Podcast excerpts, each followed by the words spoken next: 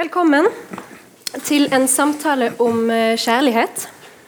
Mitt navn er Trude Kristin Mjelde Aarvik, eh, og jeg har med meg her i kveld Kristian Refsum, som er forfatter og professor i litteraturvitenskap i Oslo. Og hans eh, seneste bok er da den her, som vi skal snakke om i kveld, 'Kjærlighet som religion'. Um, han er også skjønnlitterær forfatter, og ga vel i 2012 ut en diktsamling som het 'Kåte dikt'. Uh, og det har nå også en, sikkert en viss relevans for kveldens tema. Hovedperson nummer to er Geir Gulliksen, forfatter og forlagsredaktør. Hans seneste bok er 'Historie om et ekteskap', uh, som kom ut østen 2015. Eh, og som har vært mye omtalt i eh, mediene i høst. Um, han har også uh, tidligere skrevet om ekteskap og samboerskap, som i 20. dagen fra 2009 og Forenkling fra 2010. Jeg tror det er sikkert mulig å få kjøpt uh, alle disse bøkene der borte. De står i hvert fall utstilt. Så I kveld så skal vi altså snakke om kjærlighet og hva det er. Du Kristian, du uh, innleder i kapitlet ditt 'Hva er kjærlighet?' med maksimen 'Det er med den ekte kjærligheten som med spøkelser'. Alle snakker om dem, men få har sett. Um, og også personen i romanen eh, 'Historie om et ekteskap' kretser rundt dette spørsmålet. Hva er kjærlighet? Sitat. Eh, hva er kjærlighet? Hva er kjærlighet? Nei, det nytter ikke. Spørsmålet er for generelt, for det første. Og for det andre, det har hun glemt. Ordet peker på en følelse eller en erfaring som alle tror de vet hva er. Men det er for lite. Samtidig er det for stort. Et ord som kjærlighet rommer for mye, rett og slett. Ordet rommer i alle fall nok til at du Christian, har skrevet en hel akademisk studie av ulike måter å behandle kjærlighet eh, på i litteraturen. Så hvorfor valgte du kjærligheten og ikke havet eller døden? Ja, det er mye å si om det, altså. Kanskje det blir havet og døden etter hvert. Jeg vet ikke. Men uh, når du stiller spørsmålet på den måten, da, så uh, kan jeg for så vidt si litt om det. At uh, jeg tenker jo at litteratur er en veldig rik kilde da, til egentlig alle mulige slags spørsmål. Og selvfølgelig også de eksistensielle spørsmålene.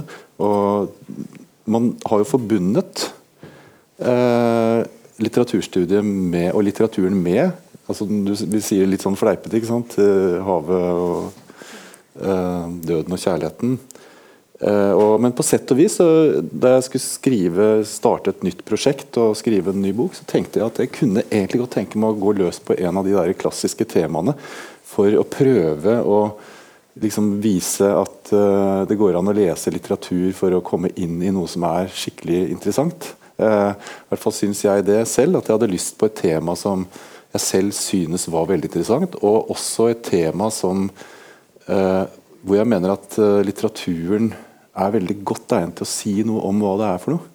Fordi at Kjærlighet er jo et sånn virtuelt fenomen ikke sant? som vi har veldig vanskelig for å vite hva er. og det, I den grad vi kan tenke oss til hva det er, så er det jo nettopp gjennom, gjennom f.eks. litteratur. da, som som skildrer uh, tilstander og på en måte fiksjonaliserer forhold mellom folk. Og jeg tror det er vanskelig egentlig å tenke seg utviklingen av moderne forestillinger om kjærlighet uten litteratur. Så det er langt på vei et litterært fenomen. Så det var et tema som jeg synes var veldig interessant, og samtidig et tema som jeg synes egner seg for litteraturstudie. Og I det så ligger det også at jeg hadde lyst til liksom å vende tilbake litt i forhold til mitt eget fag, hvor jeg og mange andre har skrevet om mer sånn retoriske problemstillinger. og uh, liksom hva, hva kjennetegner sjangrene og forskjellige virkemidler, og sånn, så hadde jeg lyst til å gjøre en tematisk studie. Og så vise at liksom litteraturen kan handle om temaer. Si noe interessant om temaer. Det er ikke bare psykologene som skal gjøre det. Vi kan gjøre det, vi også. Vi som driver med litteratur. Det er helt sant. Du, du, du, tar jo for deg da hovedsakelig bøker og filmer, eh, og også filosofiske verk fra 2000-tallet. Um, ehm, og du diskuterer hvordan våre forventninger til kjærligheten ofte ikke samsvarer eh, helt med den, de kjærlighetsrelasjonene som vi befinner oss i. Um, hva kan litteraturen fortelle oss, oss, om det vi forventer av kjærligheten? um, ja um, Jeg tror litteratur er mer liksom, å skape forventninger til hva kjærlighet skal være. Og, og det finnes jo masse eksempler på det i litteraturen. Folk som har forlest seg på riddromaner. Uh, og romanser og sentimental novels og sånn. Uh, sånn at uh, Det er mye å si om det, altså. Uh, du tenkte ikke på noe spesielt nå, eller? eller? nei, altså det, ganske, altså det, jeg tenker på, det er at det, jeg kanskje kan se det fra to sider. Altså på en måte så har jo kanskje filmindustrien gjennom forrige århundre og også begynnelsen av 2000-tallet eh, kanskje vist oss en form for, for litt feilaktig kjærlighet. da. Eh, en som på en mm. måte At den finnes der, og den er eh, Det finnes en lykkelig kjærlighet. Du må bare på en måte bare finne den. Sant? Eh, mens det jeg tenker du kanskje ser på i din bok her, er mer um, at vi kanskje forventer uh, for mye av kjærligheten. At vi mm. forventer at det skal være kontinuerlig begjær, at vi forventer at det skal være vennskap, at vi forventer at det skal Uh, at du skal bli sett, at du skal få respekt, og at det skal være interessant, og du mm. skal være åndelig inspirert. Det mm, mm. Hver kveld. Ja. Nei, det skriver litt om da, at, uh, altså at, utviklingen av kjærlighetsbegrepet har jo gått i retning av at vi forbinder kjærlighet med, veldig mye med uh, store personer. altså Det er på en måte den romantiske kjærligheten vi snakker om. Uh, og hver gang man hører man skriver om kjærlighet i medien, så er det liksom parforholdet og romantiske, det romantiske parforholdet. Så det har vært et poeng for meg å vise at kjærlighetsbegrepet er mye videre enn det.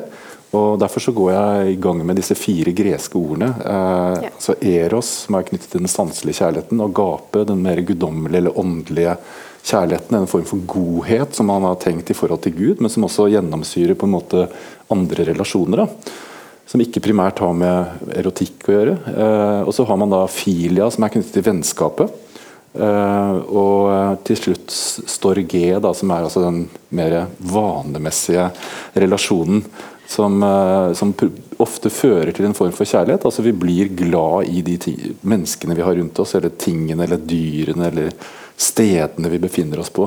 Alt dette her er liksom ulike aspekter ved kjærligheten. og Det som jeg er veldig opptatt av, da, eh, eller har blitt opptatt av mer og mer ettersom jeg holdt på med denne boka, er at eh, det er et veldig press på liksom, parrelasjonen i vårt samfunn. Det er og Det har jo med noe som vi kanskje kommer inn på senere, dette med, med sånn flytende modernitet å gjøre. ikke sant? Altså at Veldig mange faste strukturer er i oppløsning. og eh, det å søke trygghet og mening eh, eller eh, i, eh, i, tilværelsen ofte skjer i forhold til partneren. og Det blir en veldig belastning på partneren, og det er også en veldig belastning på at det skal være så jævlig romantisk med denne partneren. så Nå begynner jeg ikke å rakke ned på, på den romantiske kjærligheten. altså Det er mye pent å si om den, men det er veldig viktig for meg å vise at kjærlighet kan bety veldig mange forskjellige ting. Vi må tenke om kjærlighet mye bredere. Så Det er liksom en slags grunntanke med boken. Ja. Uh, mm. Er du enig i dette, Geir? I alt som har vært sagt? det siste. At det er noe mer enn at vi må forvente mer enn bare den romantiske kjærligheten. At, uh... ja, men det, det, er litt sånn uh, det, uh, det, er vel noe med det at det, som, det bildet da, som, som Christian Refsum skriver fram i denne boka, er jo oppleves som veldig sant, syns jeg. Veldig presist. Uh, om hvor viktig kjærlighet har blitt liksom, i det vi kaller i vår tid. Mm. Sant? Uh, samtidig så er det jo et eller annet med at så fort vi har sagt det, så, så føles det veldig sånn naturlig å si at vi må ikke forvente så mye. Vi må liksom ikke sant? Det, det er feilen, ja. Det er at vi forventer så mye av kjærligheten. Så da blir liksom kuren blir liksom å skru ned forventningene. på en måte. Og det, jeg tror det er, det er, litt sånn, det er sånne reaksjoner som vi driver med i offentligheten eh, når vi snakker om kjærlighet. Eh, det, men i virkeligheten så går det jo på en måte ikke an å ikke sant? Forelsker du deg, så kan du, kan, du kan ikke liksom forelske deg sånn delvis. sånn, Ja, men må ikke forvente så mye nå av kjærligheten. Det er den har um, Har jo liksom med de største forhåpninger til livet og til lykke og til realisering av en selv og sånt å gjøre. Um, og et spørsmål er jo om det egentlig er så forferdelig nytt. Ikke sant? Det er jo det, det er mye som som Christian bl.a. gjennom en del sosiologer beskriver veldig presist. Sånn, men, men det, det, er jo også sånn at du kan gå tilbake til gammel litteratur og se liksom, det der lynnedslaget som kjærlighet innebærer i, i, i, menneskers liv, og de enorme forventningene man får mm. til livet pga. kjærlighet, så, så, er det jo klart at det er ikke liksom, en postmoderne erfaring heller. så hvis man først har opplevd lynnedslaget, så er det ingen vei tilbake? Da er det det man forventer skal skje igjen og igjen? Eller holder det at det skjer en gang, og så kan man leve på det? Ja, det er litt ulike modeller for det der. det, det, det, er um, Men jeg har, jeg har møtt uh, noen folk som liksom har sagt jeg har opplevd kjærlighet én gang. Mm. Det, men nå er jeg litt sånn ferdig med det. Og det, det kan man det er liksom én måte å tenke på. En annen måte å tenke på er at det er bedre hver gang. Ikke sant? Ja. Denne gangen er bedre enn forrige gang. Ja. Forrige gang var bedre enn gangen før det.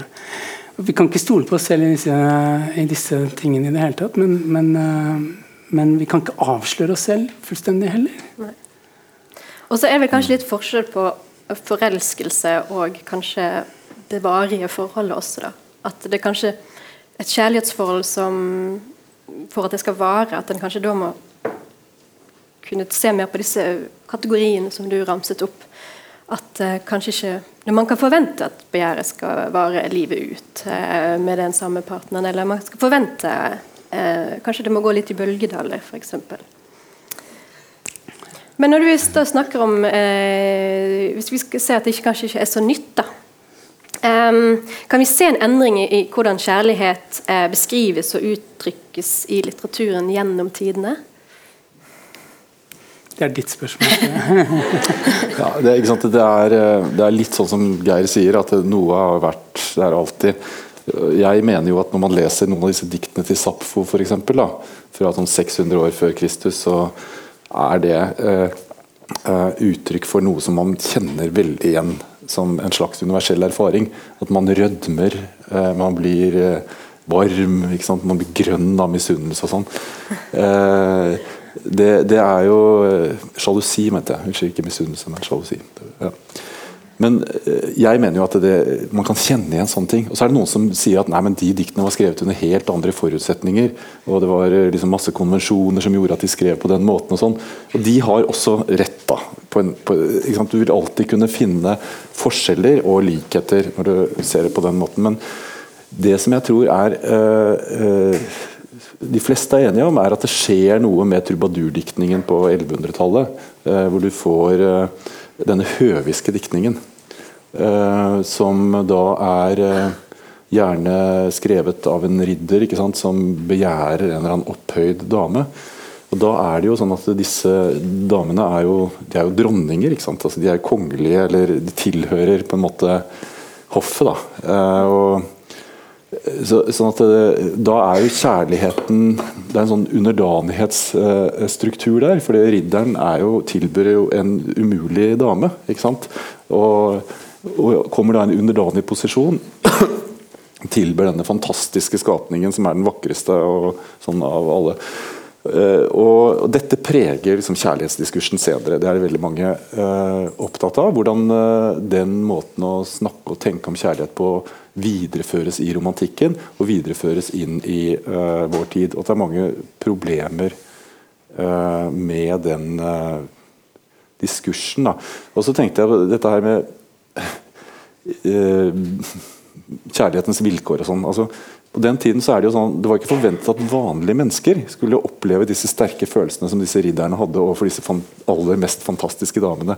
Men det som skjer i romantikken er jo at da blir den diskursen blir på en måte uh, alminneliggjort. Sånn at alle skal, ha, alle skal oppleve dette. og Det er jo det vi lever i i dag. ikke sant? At For alle så er det sånn at uh, kjæresten skal være den aller vakreste av alle i hele verden.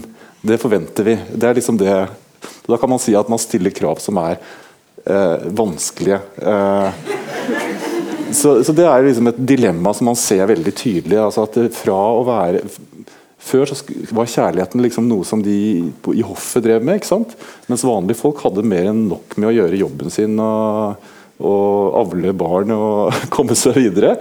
Eh, og så blir det eh, og så blir det liksom demokratisert.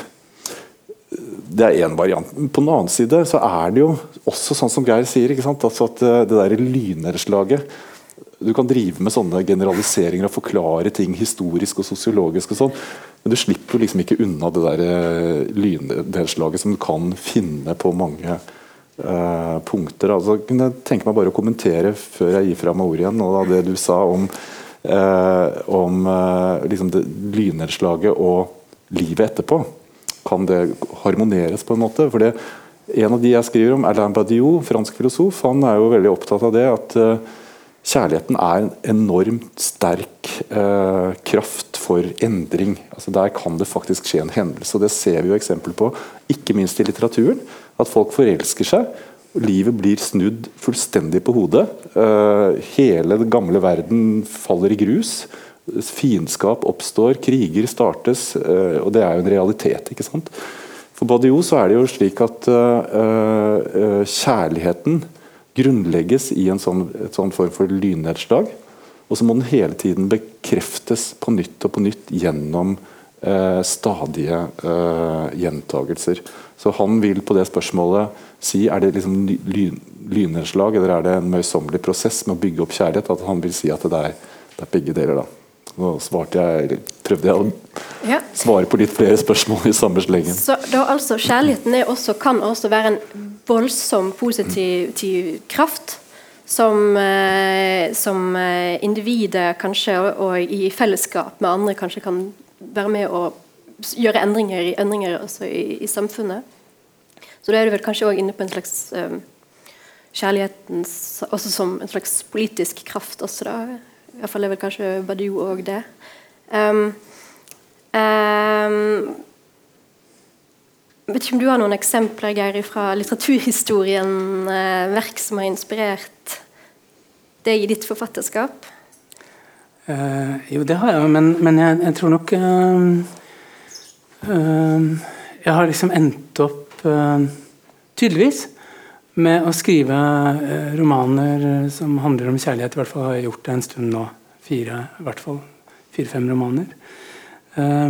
men jeg tror den viktigste grunnen til at jeg eh, begynte å gjøre det, har jo egentlig med, med en slags følelse av um, altså har mye med kjønn å gjøre. Da, forståelse av kjønn. Og, og, at jeg ikke kjente meg på en måte i, igjen i, i, den jeg skulle være.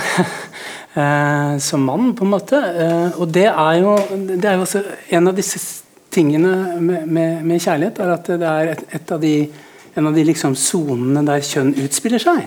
Ikke sant?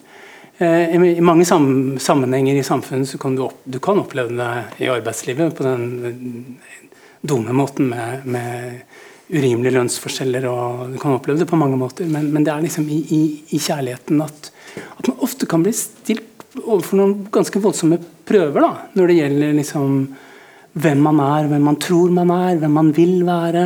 Som mann eller som kvinne eller som en eller annen som ikke har lyst til å kalle seg verken det ene eller det andre. eller hvordan det er, ikke sant? Mm.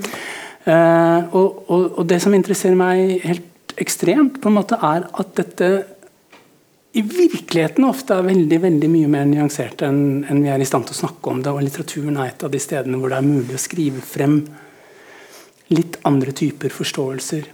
Uh, mm. For så syns jeg det er uh, veldig interessant uh, at den sene Hemingway, uh, han som skrev for den, den romanen som ikke han ble ferdig med, den som heter 'The Garden of Eden', er jo en som skriver utrolig nyansert, utrolig interessant om mannlighet og kvinnelighet, og om, om hvordan de to identifiserer seg med hverandre den, den, vanlige historien om mannlighet og kvinnelighet er jo liksom at ja, det er motsetninger, og, og, det er gjennom motsetningene at det blir interessant. Og, og alt det der. Eh, og den vanlige historien, man, historien, om Hemingway er at han var en idiot av en mann. Men, men, men en del av de tekstene hans, f.eks. den romanen der, er veldig sammensatt. Og han går veldig langt og mye lenger enn en, eh, liksom, det som har nådd ut til bildet av, av uh, hva slags uh, forfatter han var. da. Ja?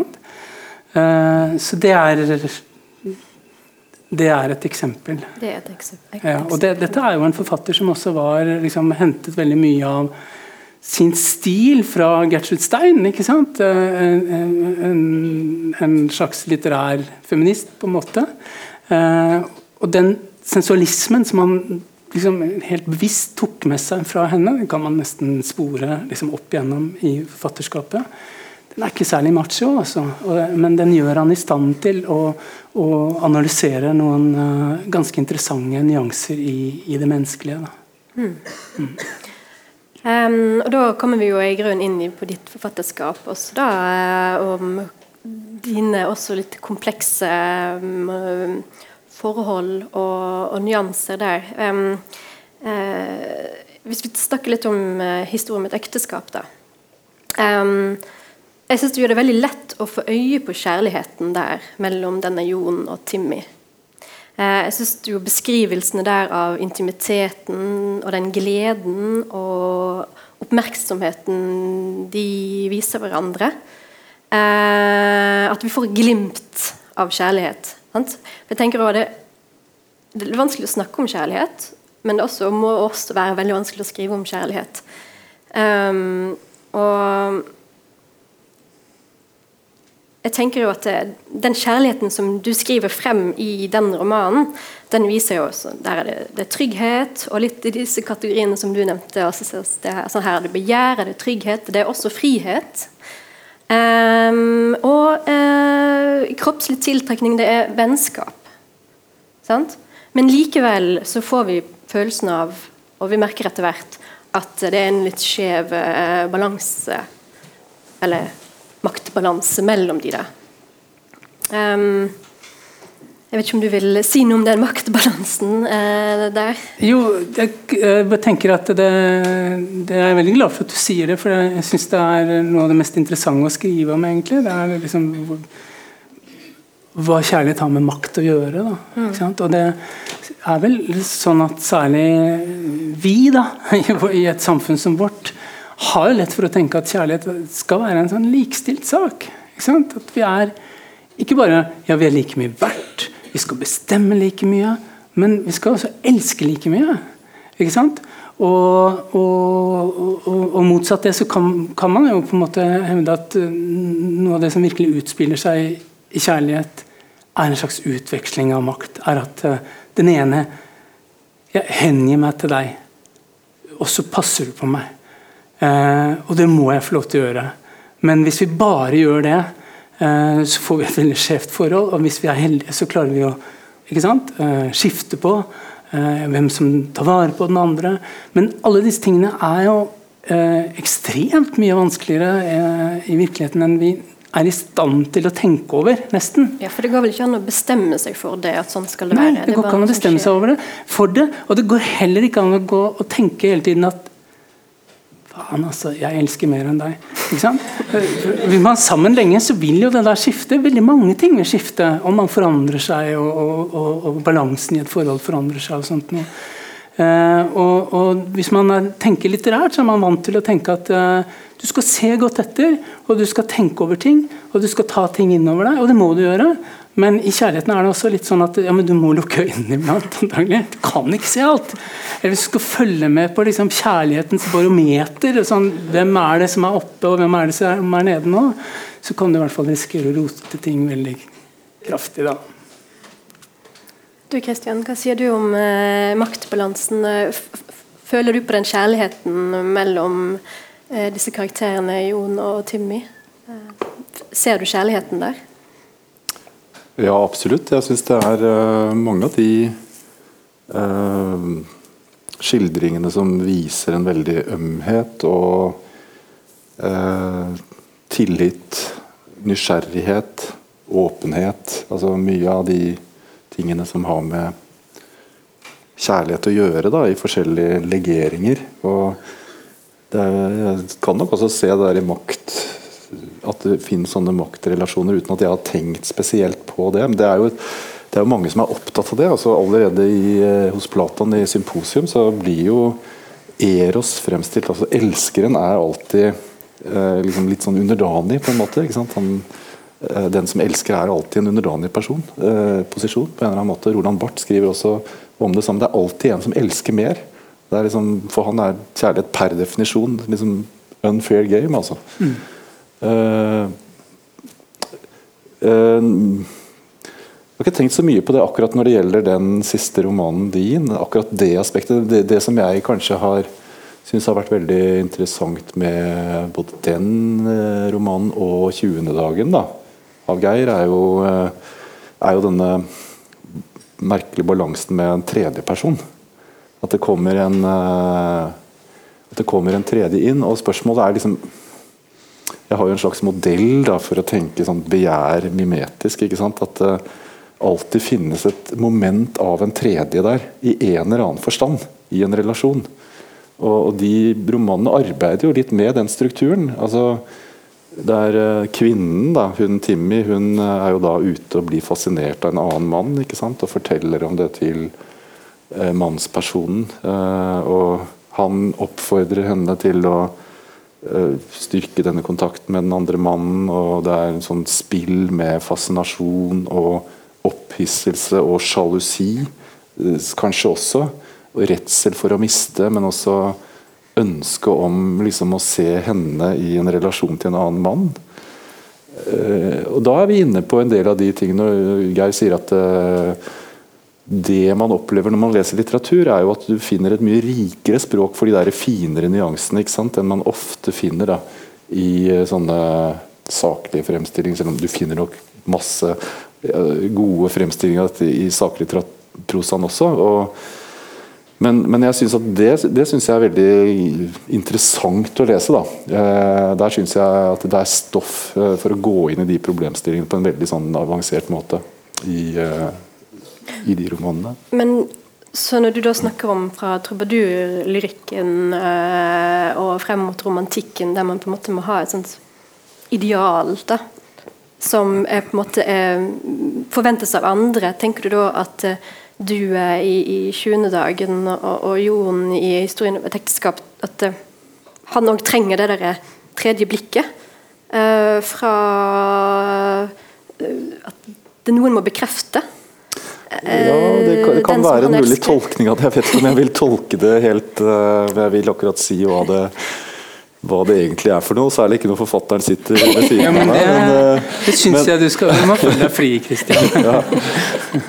Men uh, det er klart, altså Jeg diskuterer jo en teoretiker som heter René Girard da, i denne boken. Mm. Som har en teori om det han kaller for begjærets triangulære struktur. Altså Han sier at altså, vi, vi, blir forelsket, vi blir fascinert av noen. Men det er så påfallende at uh, hvis du tar en klasse på ungdomsskolen, hvorfor er alle liksom forelsket i den samme jenta eller den samme gutten? Selv om utenfra sett så ser de jo egentlig like fine ut, flere av disse folkene. Men poenget er det at vi har en tendens til å ville ønske det andre, vil, andre ønsker seg. Ikke sant? Sånn at uh, Fordi de andre er forelsket i den jenta, så er jeg det også. Uh, og Det er en for, det er en struktur ved begjæret som Girard skriver masse om i år etter år. Og det er klart at uh, de der I en parrelasjon så er det liksom en interesse i forhold til ja, hva ville andre ha tenkt om henne eller om han. Hvordan ville det sett ut der?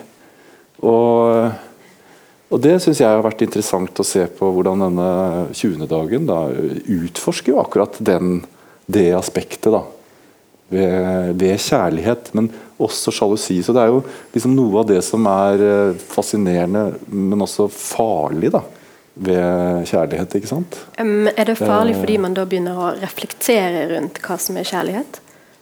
Er det fordi at tosomheten ikke lenger er nok? Um, Uh, Ja, det Si det.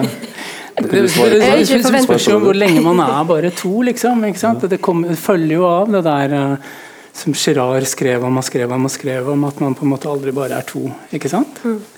Uh, men, men uh, jeg for min del har jo opplevd et par ganger at folk kommer trekkende med Girard og det, det der liksom at, at det er en veldig interessant teori. for den, den, er interessant også i forhold til, til, det som har med kjønn å gjøre.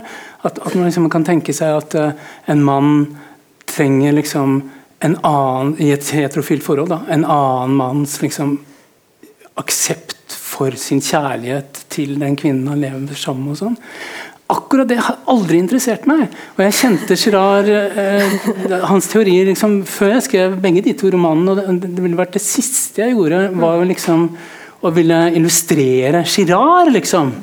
Som endte opp som katolikk. Eh, stakkars mann. Det, det, det men, men, så kan ikke jeg bestemme hvordan det blir lest, og så kan det godt være at det er en helt rimelig lesning. Men jeg syns noe annet i det der tre Kant-motivet har vært mye mer interessant for meg, og det er akkurat det der som har å gjøre med identifikasjon. da. At, at jeg syns det er undervurdert hvordan to som er kjærester, identifiserer seg med hverandre. Ikke driver og speiler seg i motsetninger at uh, du er som mann og jeg er som kvinne, eller du er en sånn type mann og jeg er en sånn type mann, eller, eller sånn. Men at, at man blir til sammen og lager en verden sammen og identifiserer seg med hverandre. Og da til og med kan risikere å identifisere seg med den andres fascinasjoner. Uh, og, og, og, så er det det som er så veldig interessant med kjærlighet, det er det at hva er det verste du kan tenke deg? Det verste du kan tenke deg, er at den andre velger en annen. Uh, jeg vil tro de aller fleste av oss tenker at det er noe av det verste som kan skje i kjærlighet. Og nettopp Derfor er det så utrolig interessant å snakke om det og skrive om det.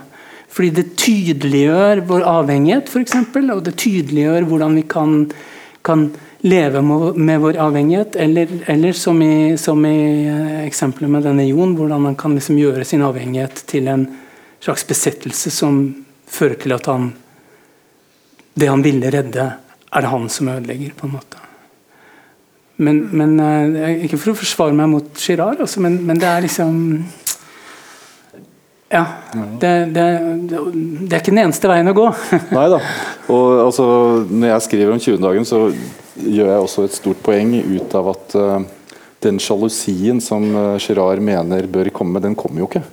Så, uh, så, på den måten så syns jeg det skjer noe interessant i boka di. Men når det er sagt, da, så er det jo Hvis jeg forstår deg rett nå, så mener du at det fins en identifikasjon mellom altså hun og han. da, ikke sant? Sånn at han får lyst til å på en måte kjenne det hun kjenner. Mm. Ja. Jeg tror det. Mm, ja. Ja. Men da er jo begjæret mimetisk den veien, da. Ja, ja, ja. ja, ja. Så, ja. Eller mm. hvordan er det? Forklar det da, da med mimetisk begjær. Da hermer, da hermer jo mimetisk et ord folk eh, vet hva betyr? Ja, altså Etterlignende begjær. ikke sant? Fordi at hun er sammen med en annen mann. Og så går han inn og så etterligner han hvordan vil det være å være henne og være interessert i den mannen. Altså Det er jo en struktur der du, du, tar en annens posisjon. Du tar begjæret til en annen da, og hermer det. Rett og slett så men, uh, men det, blir, det, blir, jo en annen variant av det. Altså, det er jo en utrolig enkel modell. Det er liksom tre sånne funksjoner som du kan flytte rundt på. da. Eh, men uh, Kanskje den eh, Eller det, den ønsken Eller det, den følelsen av at eh, mannspersonen ønsker å på en måte gå inn og ønske det samme som kvinnepersonen, kommer tydeligere, det kommer kanskje tydeligere frem i sjuende dagen. Eh, det er vel kanskje antydninger til det i historien om et ekteskap òg. Men der går det vel kanskje mm, for langt, da. Eh, sånn at eh, eh De opplever jo, virker det når jeg leser i hvert fall, at uh, denne Jon uh, opplever det verste som kan skje. Um, og den er jo veldig gripende, akkurat det der med når han innser at det, det, går mot slutten, og ligger i, i, sengen sin og bare kjenner liksom hennes sånn omsorgsfulle, ømme skuldre, hånd på skulderen. Uh, og det er jo en sånn veldig gripende uh, scene eller passasje i, i romanen, syns jeg. Og risikoen, sant? for det, det, er jo det som er så vanskelig med kjærlighet. Det er en ganske stor risiko. å som Zizek, eh, den eh, eh, eh, filosofen eh, eh, Zizek sier, altså, snakker om det å, å, å, falle, altså 'to fall in love'. det er også hvor utrolig mye du skreller av deg huden og går inn i noe, og hvor vanskelig det er. Og det er jo akkurat det som, Den risikoen beskriver du veldig godt med denne Ester i eh, Lene Andersson sin 'Rettstridige forføyning', som hun vel heter på norsk. Eh, å være den som venter. Sant? Så hun har på en måte åpnet seg opp for kjærligheten. Og så Det var vel kanskje et lynnedslag for henne eh, en gang. Og så venter hun og venter og venter. Og tror at eh, Vil si noe om den romanen? Eller hvorfor du har valgt den? Nei, altså, Jeg syns det er en kjempebra roman. Ja. Eh, veldig Veldig bra roman. Eh, og jeg syns også at den er egentlig nesten eksemplarisk i forhold til å vise noen problemer knyttet til kjærlighet i dag, da, hvis du sier det litt sånn firkanta. Eh, på den måten at vi lever i et samfunn som er preget av veldig mange omskiftninger hele tiden, og at mange faste relasjoner er eh, mer flytende.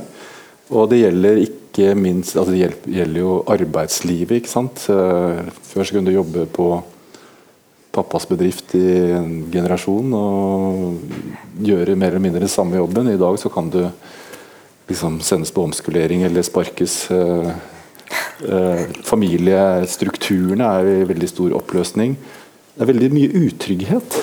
Og Det gjelder også kjærlighetslivet. Altså at, uh, særlig i, hvis vi kan snakke om liksom Tinder-generasjonen. Hvor man dater og dumper. og som disse gamle filosofene skriver. altså Du kan trykke 'delete' når ikke du gidder mer. ikke sant? Uh, og denne, hun, denne, kvinnen hun faller jo, hun blir jo veldig forelsket. Hun blir besatt av denne mannen. Og han trenger ikke egentlig å Det er ikke naturlig at han liksom forplikter seg. Han tenker at de kan ha en litt løsere forbindelse. Og, uh, og det, den situasjonen er veldig påtagelig i forhold til en, en større kulturell situasjon. Vi, vi har en, en, kjærlighetsdiskurs der man lengter veldig etter den store, altoppslukende kjærligheten. Man lengter liksom etter fallet. Samtidig så har vi en kultur som egentlig er innrettet på at folk ikke skal binde seg for tett til hverandre. Og at det egentlig skal være mulig å bryte opp og move on. liksom. Og det, er jo en, og det er en kulturkritisk vanskelig situasjon. altså Det gjør livet vanskelig for folk. Man har veldig høye idealer, den store kjærligheten. Og så er hele verden innrettet på at det skal være fleksibelt, og du skal, du skal hele tiden kunne gjøre nye valg. Så Jeg har ikke noe god løsning på det. altså Vi kan komme til det neste gang. Men, eh, men jeg tror at dette er en sånn Skuffende. Dette er en situasjon Men altså ja, Det er mye man kan si om det, men det er, det er, en situasjon som man trenger å tenke gjennom på et litt sånn overordnet nivå. Det hjelper selvfølgelig ikke at vi sitter og tenker på et overordnet nivå for den personen Nei, som opplever den, uh, den, uh, det fallet eller den smerten eller kjærligheten. Da. Du skriver vel et sted at håp er en slags parasitt for mennesker. For menneske, Hun skriver det, ja. ja. Mm. Hun går og håper og håper håper. og alle skjønner at det håpet er helt umulig. ikke sant? Men hun er den som... eneste som ikke skjønner det, og den beskrivelsen er jo hjerteskjærende. Ja. Og Det er noe av det som gjør den romanen så god. Det er den der besettelsen Det er vel du som kaller det besettelse. Eller, ja, i hvert fall, Den besettelsen hennes den, hun går for langt. ikke sant? Det er en forelskelse som er liksom Hun går for langt. Og det vi lærer om og om igjen i sånne, liksom, når vi snakker liksom saklig om kjærlighet, det er jo litt sånn ja, du, må, du, må, du, må, ikke gå for langt, og du må gi den andre litt rom, og du må ikke, ikke sant? Du må sånn og sånn. Hvem er det som opplever det i virkeligheten? Umulig å være en god taktiker i kjærlighet. og Det, det er noe av det fantastiske med den der eh, romanen. At hun klarer å gjøre denne Ester litt sånn umulig. Men når romanen blir diskutert i offentligheten, så gjør man det plutselig til noe helt annet. For da begynner man å diskutere kulturmannen, og så, så skal man dra ned han der som hun liksom var forelsket i. Og jeg er ikke imot den diskusjonen om kulturmannen, altså jeg bare mener at det, det liksom vanvittige ved Ester, som gjør romanen så sterk, det klarer vi ikke å snakke ordentlig om når vi begynner å snakke sånn i kulturen om, om kjærlighet og kjønn og, og, sånne ting. Men det er det som gjør romanen så levende tror jeg, for de aller fleste som, som, som leser den. Det er det at mm. vi kan ikke forsvare henne fullt ut. Og det, hvem kan vi egentlig gjøre det med? I hvert fall i kjærlighet. Nesten ingen. Nei. Jon òg venter jo en del på slutten der. Hva sa du? Jon mm. venter jo også en del i din roman, siste roman. At han venter, ja? Ja, ja. ja. Og han går for langt. men, så vi, På papiret kan vi skille mellom besettelse og kjærlighet, men ikke i livet. Det er noen som ja, søker besettelse. ikke sant? Det er jo, det er jo, folk er veldig forskjellige. Noen vil ha fred og ro. Mange vil ha fred og ro. Ja. Altså, og Det er også noe jeg prøver å skrive en del om da, i, i, boka i forbindelse med dette ordet risiko, som også er et sånn mm. Baumann-ord. Sigmund Baumann, som sosiolog som døde nå i forrige uke. I en alder av 90 eller 91 eller noe sånt. Ja. Eh, altså at vi lever i denne flytende moderniteten hvor så veldig mye er i endring hele tiden. Eh, som gjør oss at vi blir Vi må verne oss mot all den risikoen på en eller annen måte. Og Derfor så verner man seg også mot eh, kjærlighetsmøtet. Så Det er liksom to strategier. Du har på den ene siden altså at du holder kjærlighet, parkjærligheten, den romantiske kjærligheten som en sånn veldig høyt ideal. På den andre siden så har du liksom vegrerne. da. Jeg skriver en del om de i denne boken også. Mm. Uh, og uh, det gjør jeg bl.a. med to filmer. Uh, altså Som er jo ulidelig triste. Altså denne denne uh, Shame uh, og Uh, Nymphomaniac av Lars von Trier. Som altså handler om folk som da hele tiden unngår å få relasjoner til uh, mennesker. De vil bare ha sex, da. de vil bare ha liksom, de ytre kjennetegnene ved kjærligheten. Eller uh, gestene, så å si men uh, vegrer seg uh, eksplisitt mot uh, kjærlighetsmøtet. fordi, altså, ja, Jeg skal ikke forklare hvorfor det er det, men en mulig forklaring er jo at det nettopp er så farlig, det fallet. At det må man prøve å unngå. Men problemet med den strategien igjen, og det viser begge de filmene veldig godt, at hvis du aldri går inn i et sånt møte, og hvis du aldri tar den risikoen, så blir du heller aldri kjent med ikke bare andre mennesker, men du blir heller ikke kjent med deg selv. For det er når du møter noen andre mennesker og får den motstanden eh, av anerkjennelse, eller det motsatte av anerkjennelse, altså den friksjonen, det er egentlig da du kan bli eh, eh, Få kjennskap til deg selv. Da. Det er vel moralen. sånn som Baumann utlegger det. Ja, altså, og nettopp Baumann, eh, som er en sosiolog, som han sa, som, som, som nylig nå gikk bort. og han, han, han, skriver om risiko, så skriver han jo nettopp det at vi går glipp av kjærligheten fordi vi ikke tør satse på den, men venter på lynnedslaget. Altså Mennesket blir en og det, jeg vet ikke om det er du som skriver det og gjengir parafraserer han, at mennesket blir en turist i livet som vegrer seg mot å bli dypt involvert. Eh, og Dette opplever jeg vel kanskje som en eh, treffende beskrivelse, eller? Særlig i dag. Særlig uh, i disse sosiale medietidene. Er det er veldig skummelt alltid å si ja, særlig i dag. Eh, hver gang vi sier det, så tenker jeg ah, det må ha funnet, funnes før òg. Men, men, men, eh, men, det er jo interessant at Bauman kan Jeg tror du skriver Når du skriver om Bauman, så skriver du at analysen hans er mer relevante nå enn i 2003, f.eks. Da, ja, da en av de mm. bøkene kom. Det er jo Jeg skjønner hvorfor du sier det. Mm. ja, hvorfor sier du det?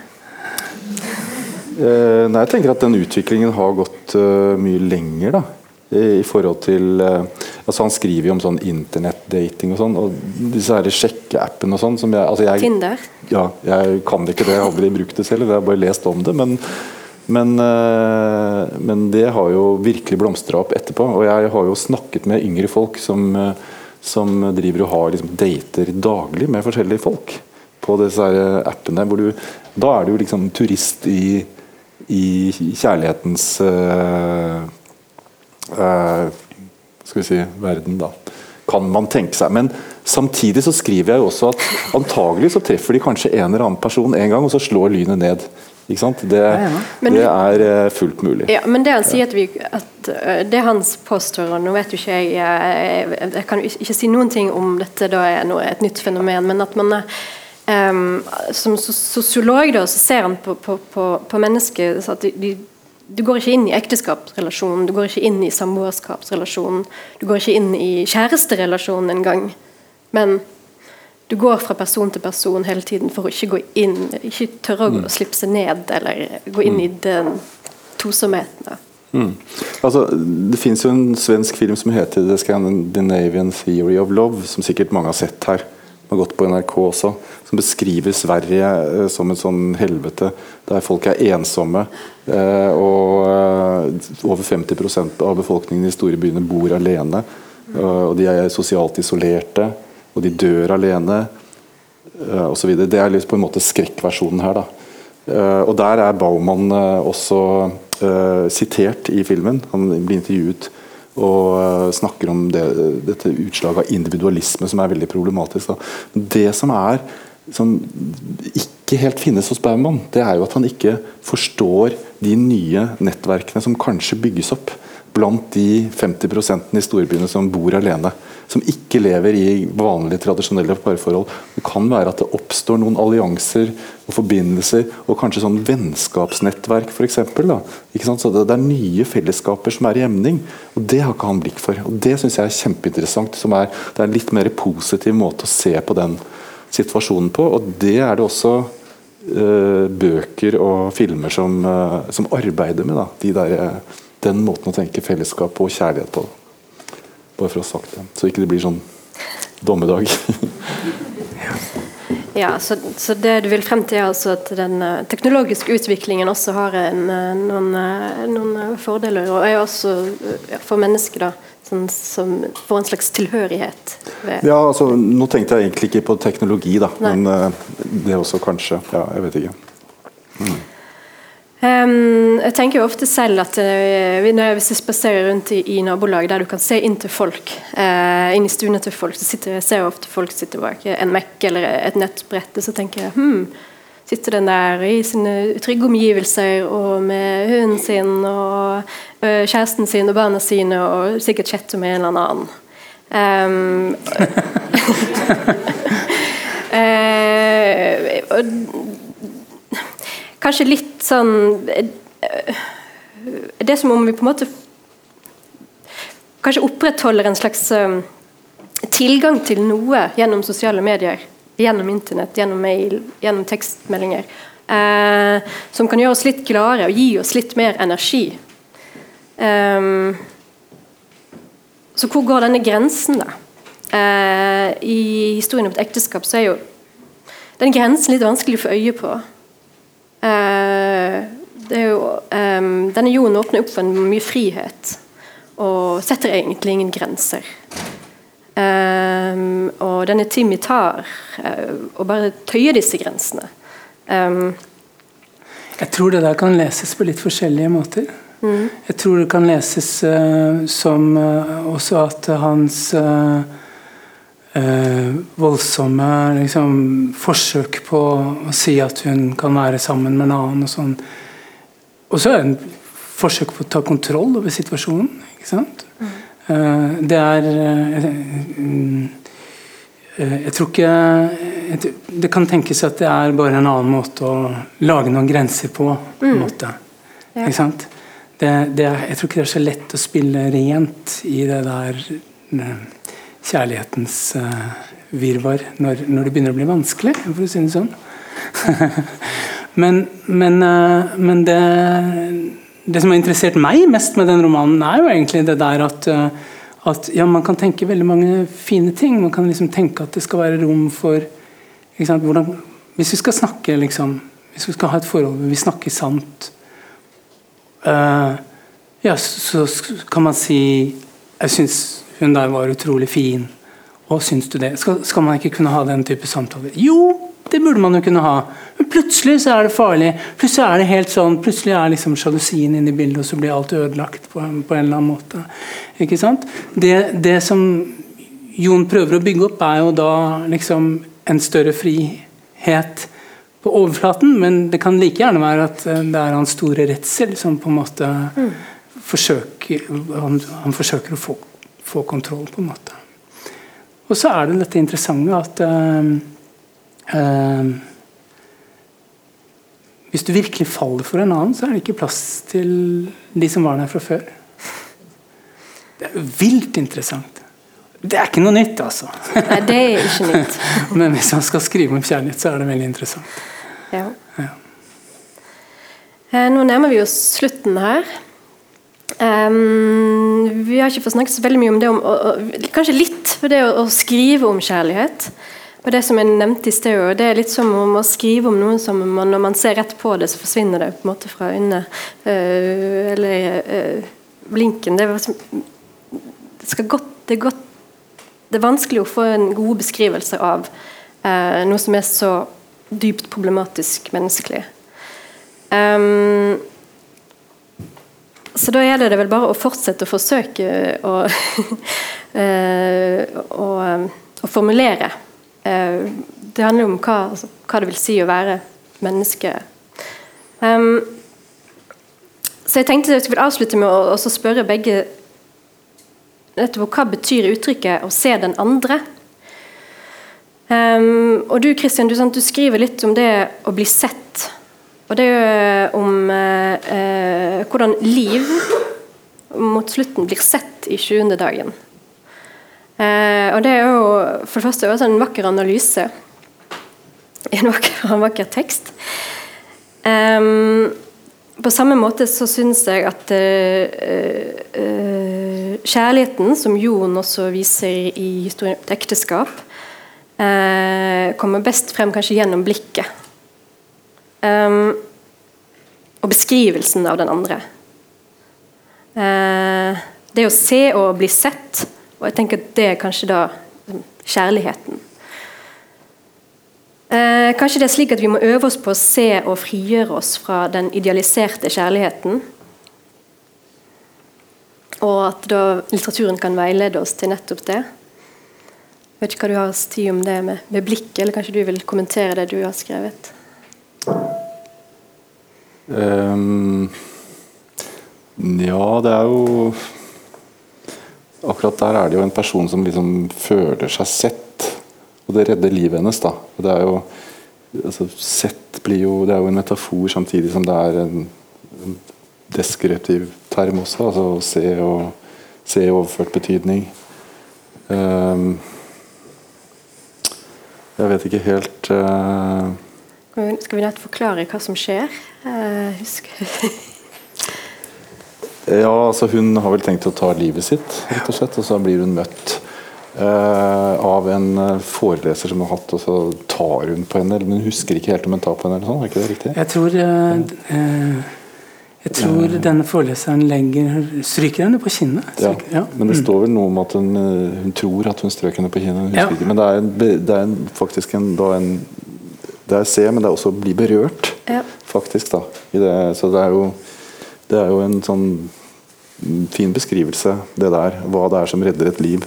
Mm. Eh, hun ombestemmer seg og tar ikke livet sitt. Så hun, hun, blir berørt, og hun blir sett, og hun føler seg sett. Altså det, er, det er jeg vet ikke om jeg klarer å si noe mer dypsindig om det nå. Det er liksom i en analyse, dette her. Jeg vet ikke, Kanskje du kan uh, Nei, uh, men jeg tror det er et poeng at uh, hun vet selv at hun i hvert fall trodde at hun ble sett. Hun vet selv at det ikke er sikkert at hun ble det. Men der og da var det nok, på en måte. Mm. Um, men, men jeg syns det er interessant det der med, med å vi skal se hverandre, vi skal se hverandre. ikke sant? Og så Når vi snakker om liksom, den virkelig store kjærligheten, nemlig folks kjærlighet for sine barn, så er det jo helt annerledes. Du blir jo ikke sett av barna dine.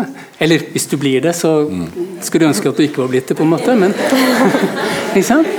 men, men hvis man klarer det sånn noenlunde på en måte, som forelder, så ser man i hvert fall innimellom er man i stand til å se barna sine. Den fullstendig enveis eh, kjærlighet på én måte. Ik ikke på den måten at altså, Når barna er små, så er de jo avhengig av det. Det er en fantastisk opplevelse i alle voksnes liv. Du har et lite menneske som elsker overalt på jord fordi hun eller han trenger det. Men så når de begynner å vokse opp, så trenger de deg ikke lenger. Ikke det er en kjærlighetsfortelling med en sånn sikker utgang, som er en utrolig kjærlighetssorg. Som nesten ingen snakker om. Kjærlighetssorgen til ikke sant? når barnet ikke trenger deg lenger. Um, det var ikke et svar på et spørsmål i det hele tatt. men, men det, er, det, handler i hvert fall om kjærlighet hvor, hvor, det, hvor det ikke er eh, den der evinnelige utvekslingen av at eh, 'nå har jeg sett deg, så nå må du se meg'. Liksom. Ja. ja. men jeg tenkte litt på beskrivelsen òg, da. Altså, hvordan, eh, hvordan, både du eh, i 20. dagen og Jon også beskriver den andre. At det ligger ekstremt mye kjærlighet i den oppmerksomheten, og er det oppmerksomme blikket for alle detaljene. Um, og det er jo også, det, er mye, det der på en måte kjærligheten manifesterer seg på en måte i det, tenker jeg da, når jeg leser det. Uh, ja, tiden er ute. Kjærligheten forsvant. Kjærligheten ebbet ut.